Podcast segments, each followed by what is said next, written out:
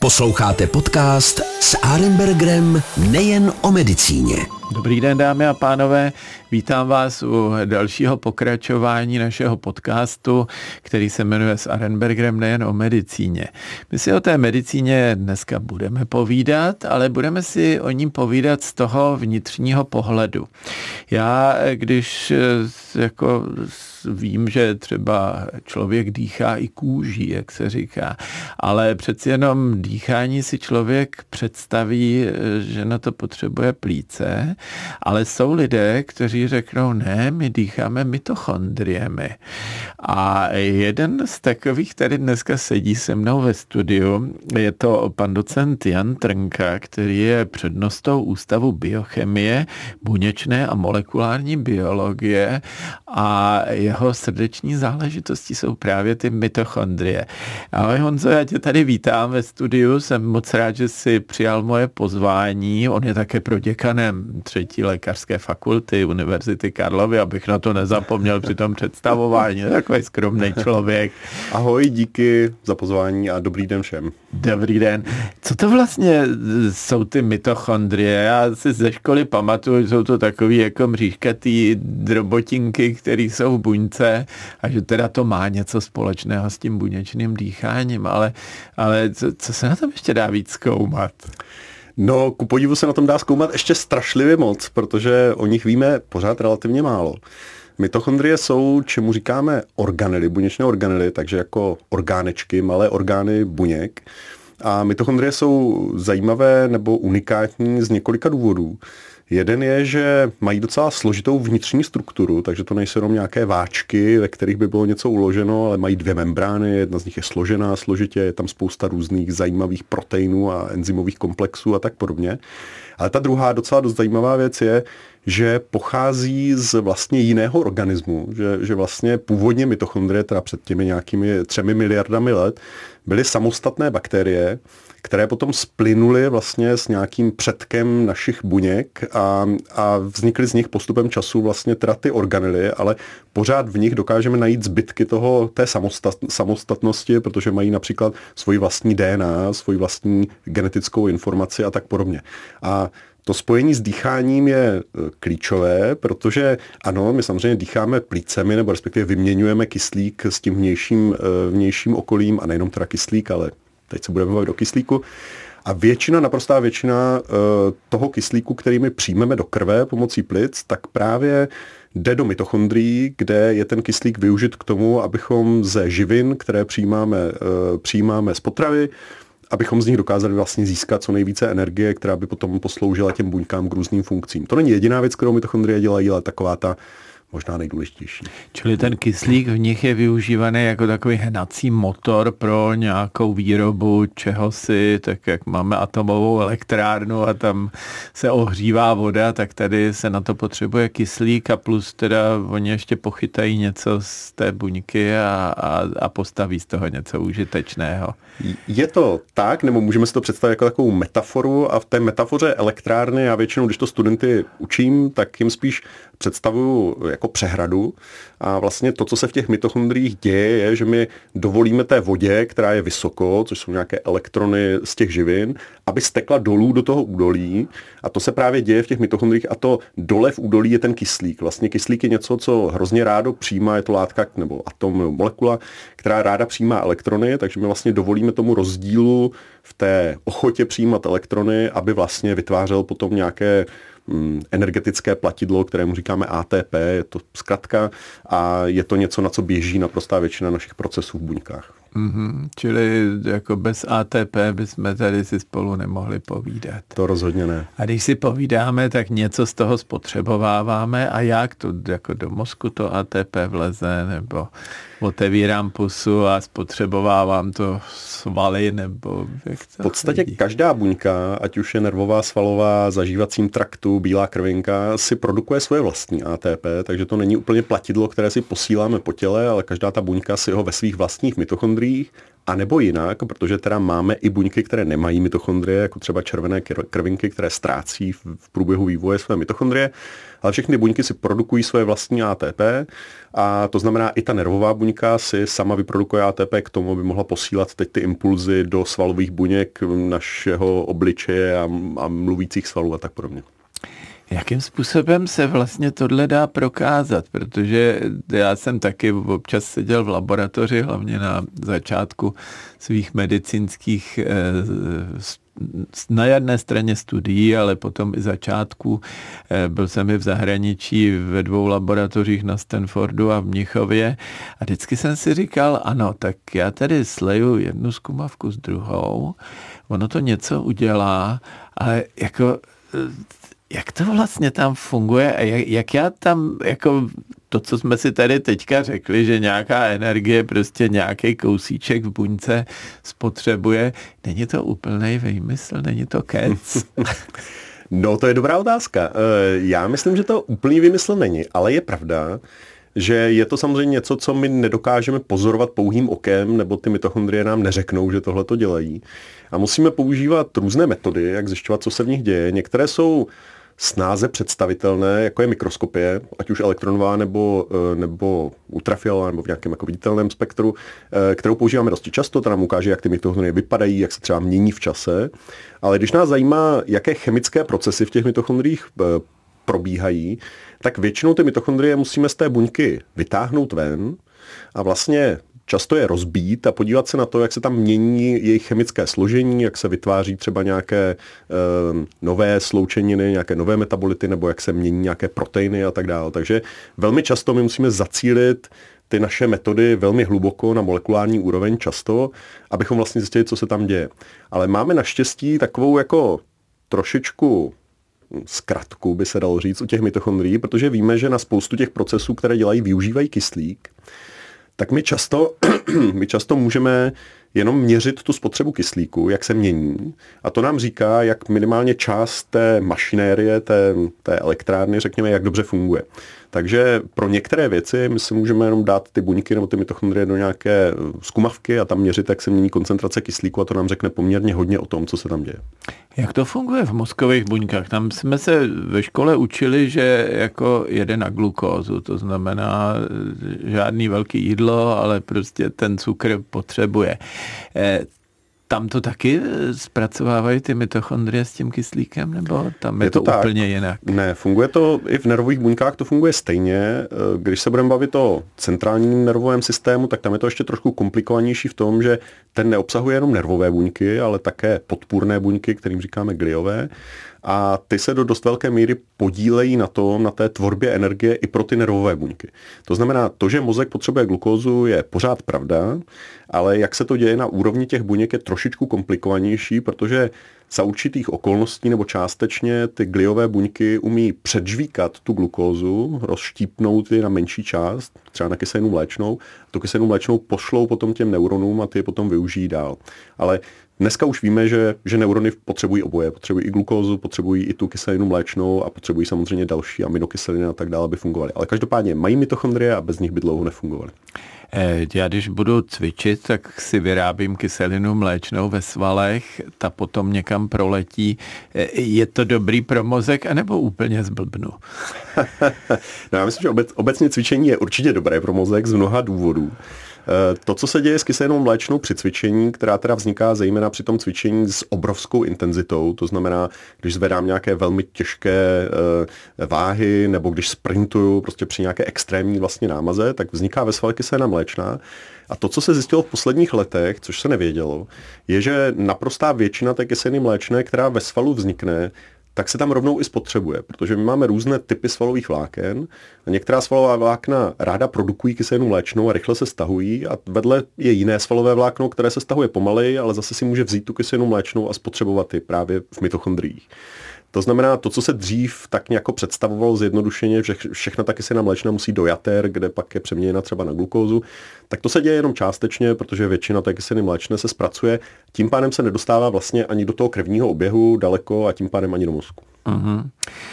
Ty máš obrovskou výhodu, že vlastně vidíš do těchto těch detailů, které my e, ostatní, a tím nemyslím jenom laická veřejnost, ale i lékaři přehlížíme, protože vidíme, já dermatolog červený flek, tak to něčím namažu, on ze světla a jsem spokojený. Ale jestli už jako tam proběhne nějaká mitochondria, odnese to, nebo nějaký jiný dědeček, který tam prostě je malinký a odnese mi nějaký pikolík něco někam, to už to není tak důležitý.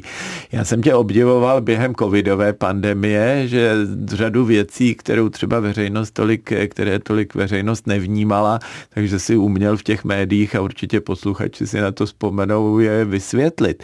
Jak jsi se dostal k tomu, že mně se třeba líbilo takovýto vysvětlení, jak funguje očkování, proč takový nějaký kousek něčeho, co se někam skopíruje, eh, tak nám něco vyrobí a to nás chrání před něčím jiným. Jak to vlastně funguje teďka u těch eh, moderních vakcín? Protože dřív jsme vzali kus viru, že jo, ten jsme nějak eh, napůl zabili nebo úplně zabili a ten organismus si toho všimnul, začal proti tomu bojovat a zároveň potom bojovali proti tomu živýmu viru.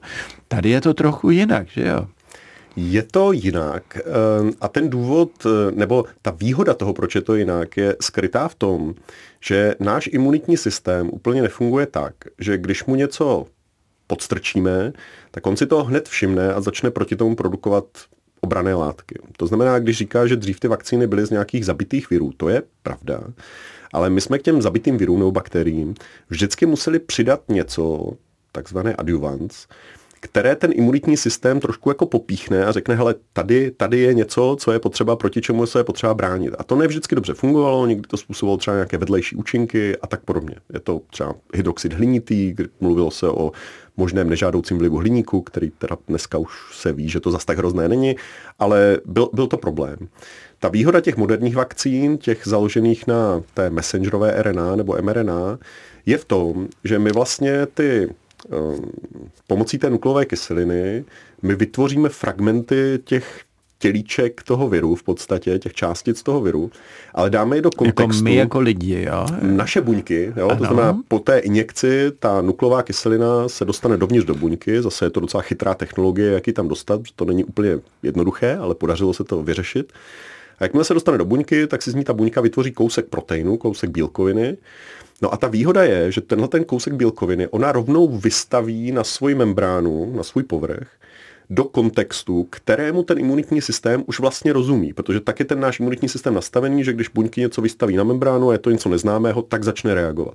To znamená, my tady nepotřebujeme dodávat tu nějakou další chemickou látku, abychom pošťouchli ten imunitní systém, ale vlastně to funguje do jisté míry tak, jak to fungovat má. To znamená, že my prostě podstrčíme těm buňkám něco, co tam doopravdy není ale ten imunitní systém si toho všimne a začne proti tomu reagovat. Čili má to, má to svoje vlastně jako velikánské výhody na té straně účinnosti, ale má to také obrovskou výhodu na té straně produkce, vlastně výroby těch vakcín, protože ten design a pak je ta samotná výroba, ta fyzická výroba té vakcíny je vlastně mnohem jednodušší, než když musíme napěstovávat viry na nějakých buněčných kulturách nebo na vajíčkách nebo na něčím dalším, což je prostě příšerně drahé a trvá to dlouho.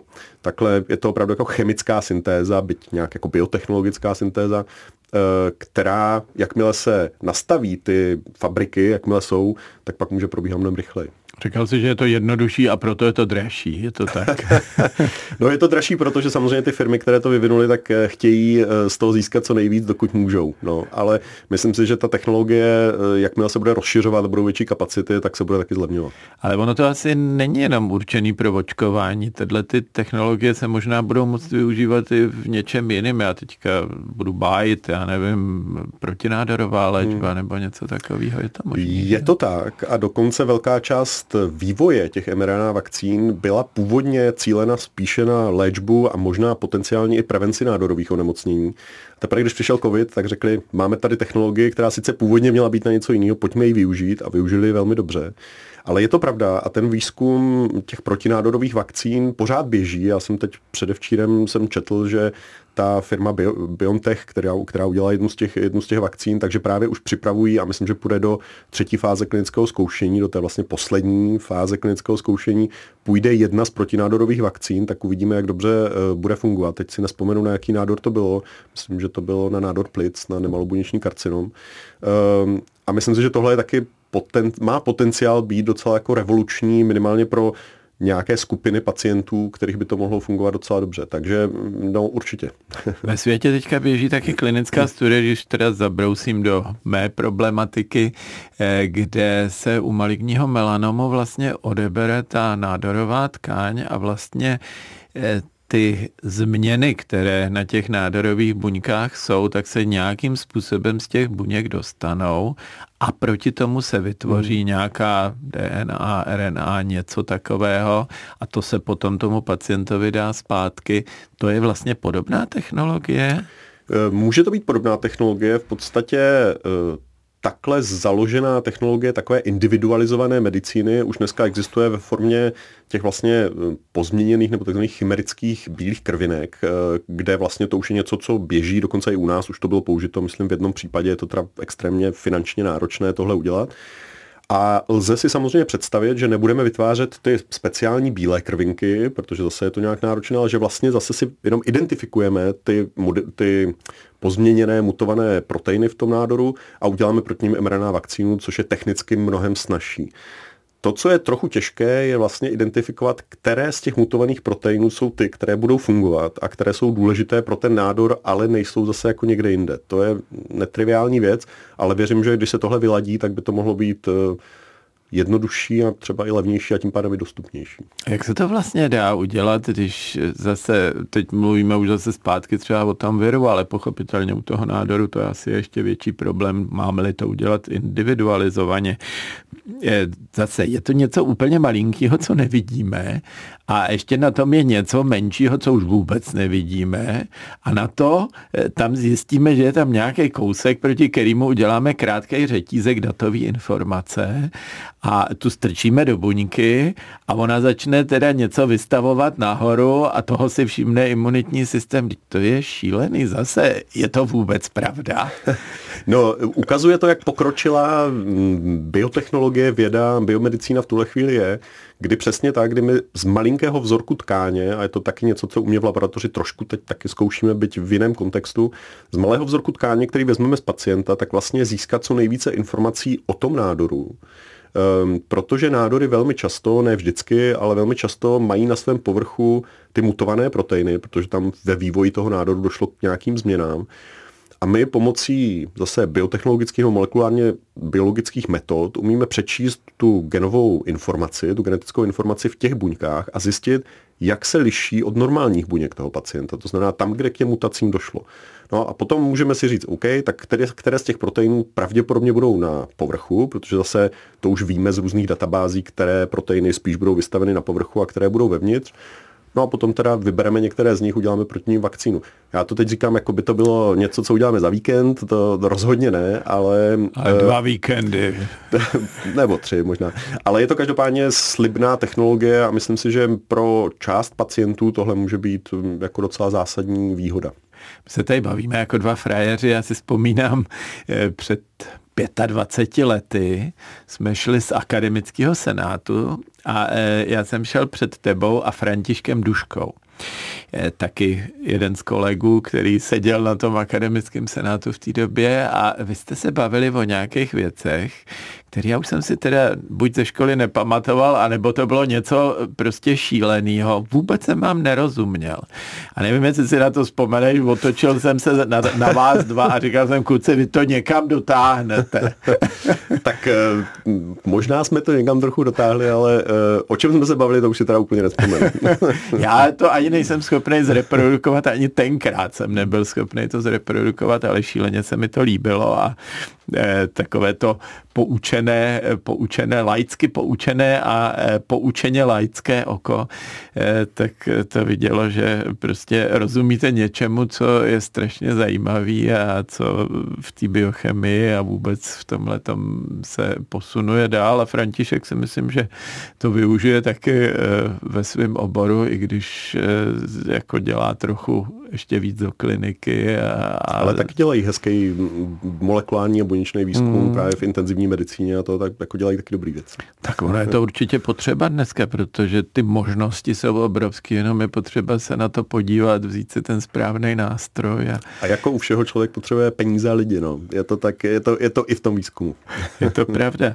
Eh, Honzo, děkuji moc, že jsi přišel. Bohužel náš čas už zase uplynul, letí eh, a letí hrozně nejen ve výzkumu, ale i při povídání. S tebou se povídá krásně a myslím, že určitě budeme mít příležitost si tady ještě u mikrofonu sednout a zase eh, říct nějaké novinky našim posluchačům. Jsem moc rád, že jsi přijal moje pozvání a budu se těšit někdy příště. Díky moc a ahoj. Já děkuji a rád přijdu zase. Ahoj. Naschledanou. S Arembergrem nejen o medicíně.